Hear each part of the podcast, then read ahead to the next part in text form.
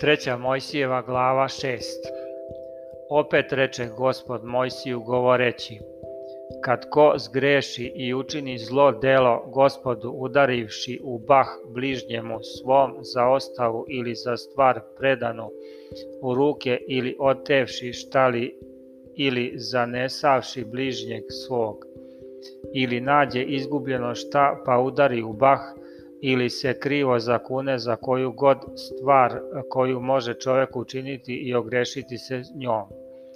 Kad tako zgreši i skrivi, neka vrati šta je oteo ili prisvojio prevarom ili šta mu je bilo dano na ostavu ili šta je izgubljeno našao. Ili za šta se zakleo krivo, neka plati celo i još dometne peti deo onome čije je.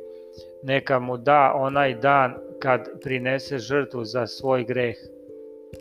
A na žrtvu za greh svoj neka prinese gospodu ovna zdravog sa cenom kojom proceniš krivicu, neka ga dovede svešteniku. I očistit će ga sveštenik pred gospodom i oprostit će mu se svaka stvar koju je učinio, te skrivio. I reče gospod Mojsiju govoreći, zapovedi Aronu i sinovima njegovim i reci im, Ovo je zakon za žrtvu paljenicu, žrtva paljenica neka stoji na ognju na oltaru celu noć do jutra i oganje na oltaru neka gori jednako. Sveštenik neka obuče svoju haljinu lanenu i gaće lanene neka obuče na svo, telo svoje i neka zgrne pepeo kad oganj spali na oltaru žrtvu paljenicu i neka ga izruči kod oltara Potom neka svuče haljine svoje i obuče druge haljine i neka iznese pepeo napolje iz logora na čisto mesto.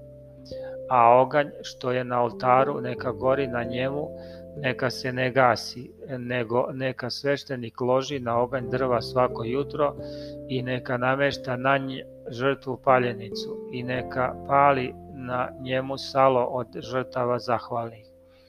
Oganj neka jednako gori na oltaru, neka se ne gasi. A ovo je zakon za dar.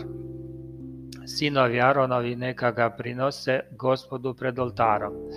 Uzevši šaku belog brašna i ulja od dara i sav kad koji bude na daru, neka zapali na oltaru spomen njegov na ugodni miris gospodu a šta preteče neka jede Aron i sinovi njegovi, neka se jede bez kvasa na svetom mestu u tremu šatora od sastanka neka jedu. Neka se ne mesi sa kvascem, to im dadoh da im bude deo od žrtava mojih ognjenih, to je svetinja nad svetinjama kao žrtva za greh i kao žrtva za prestup Svako muško između sinova Aronovih neka to jede zakonom večnim od kolena do kolena, od žrtava koje se pale gospodu, šta se god dotakne toga, bit će sveto. I reče gospod Mojsiju govoreći, ovo je žrtva Aronova i sinova njegovih, koju će prinositi gospodu onaj dan kad se koji pomaže desetinu efe belog brašna za dar svagdašnji, polovinu ujutru, a polovinu uveče. U tavi s uljem neka se gotovi, prženo neka se donese i pržene komade dara neka prinese na ugodni miris gospodu i sveštenik između sinova njegovih koji bude pomazan nakon njega, neka čini tako isto zakonom večnim, neka se pali gospodu sve to. I svaki dar sveštenikov neka se sav spali, i, a neka se ne jede. Još reče gospod Mojsiju govoreći, kaži Aronu i sinovima njegovim i reci, Ovo je zakon za žrtvu radi greha, na mestu gde se kolje žrtva paljenica, neka se kolje i žrtva za greh pred gospodom, svetinja je nad svetinjama. Svešteni koji prinese žrtvu za greh neka je jede, na svetom mestu neka se jede, u tremu od šatora od sastanka. Šta se god dotakne mesa njenog, biće sveto i ako ko pokapa krvlju njenom haljinu, ono što pokapa neka opere na svetom mestu.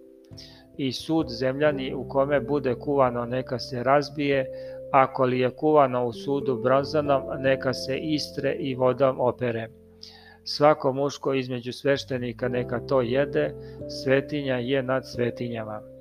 Ali ni jedna žrtva za greh od koje se unese krv u šator od sastanka, da se učini očišćenje od greha u svetinji, neka se ne jede, nego neka se ognjem sažeže.